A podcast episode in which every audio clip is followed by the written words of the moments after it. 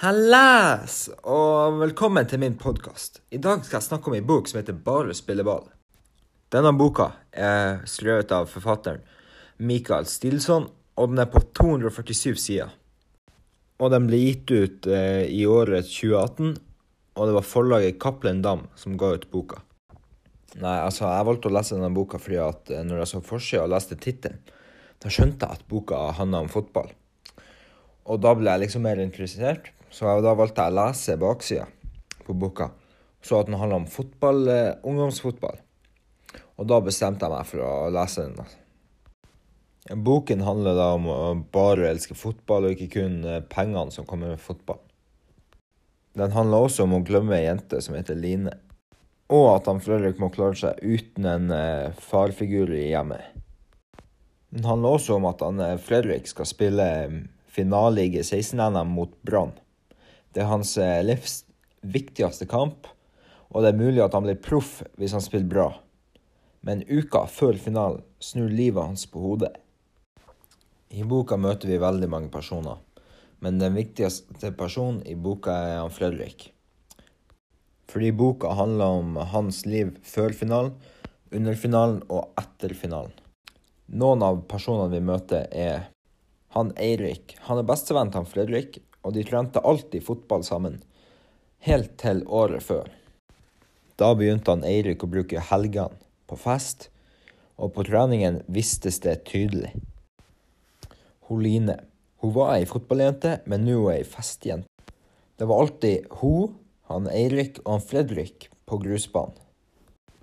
Han Fredrik klarer ikke å glemme henne, og det er fortsatt noe imellom dem. Og det tennes i alle fall igjen når hun må hjelpe han å gjemme fotballskoen han har fått av faren. Han Mathias. Han er det største fotballtalentet i Norge, sier han Martin Ødegaard. Han Fredrik kan trene med han noen gang, og ser litt opp til han Mathias. Han Mathias han har skrevet proffkontrakt med Rosenborg etter å ha fått tilbud fra storklubber i utlandet. Og så har vi faren, da. Han var et av de største fotballtalentene i Norge når han var ung, og han ville bli proff. Men det stoppa helt opp. Og nå er han et null, og han sliter med rus. Han har sett noen av eh, kampene og treningen til han Fredrik, men han Fredrik blir ganske nervøs når han er og ser på. Og noen dager før finalen tar han kontakt. Han har med akkurat de rette fotballskoene og en plan for han Fredrik. Fredrik vil jo ikke skuffe han. Og sist, men ikke minst, har vi mora.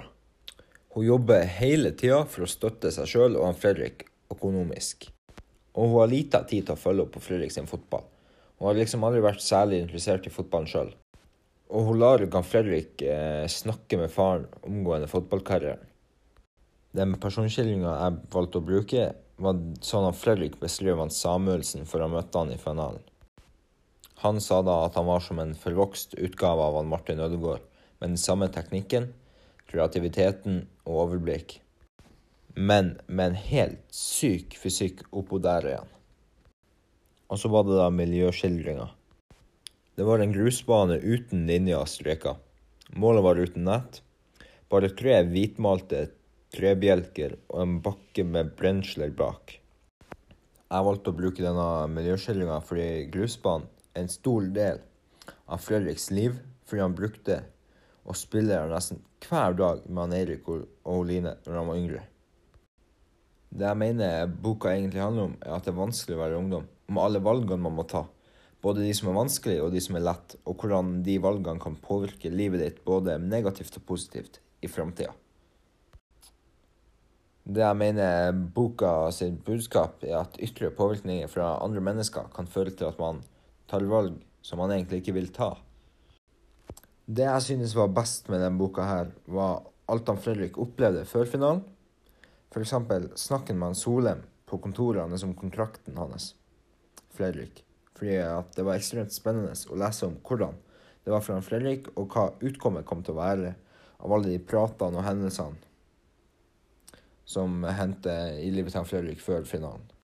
Det jeg ikke likte særlig godt med boka, var hvordan den slutta. Det var en veldig kjedelig slutt til um, hvordan det liksom ble spenna opp uh, fra liksom starten av boka helt til finalen. Og fra finalen til um, han signerte kontrakten med Mjøndalen, og til liksom uh, Fra det til festen, og så plutselig bare slutta han så kjedelig. Så det var litt skitt.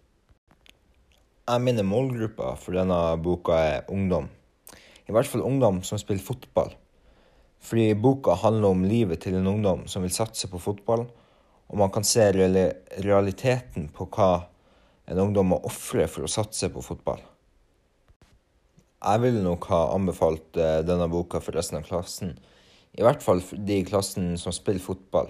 Fordi som sagt handler boka om en ungdom som vil gjøre alt for å bli proff i fotball.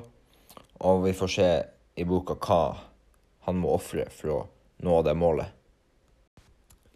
Jeg kunne kanskje ha tenkt meg å lese mer fra han Michael Mikael Stilson. For jeg likte hvordan boka var satt sammen, og alt sånt der, men eh, slutten var litt dårlig, så det liksom drar litt ned på hvor mye jeg ønsker å lese fra han.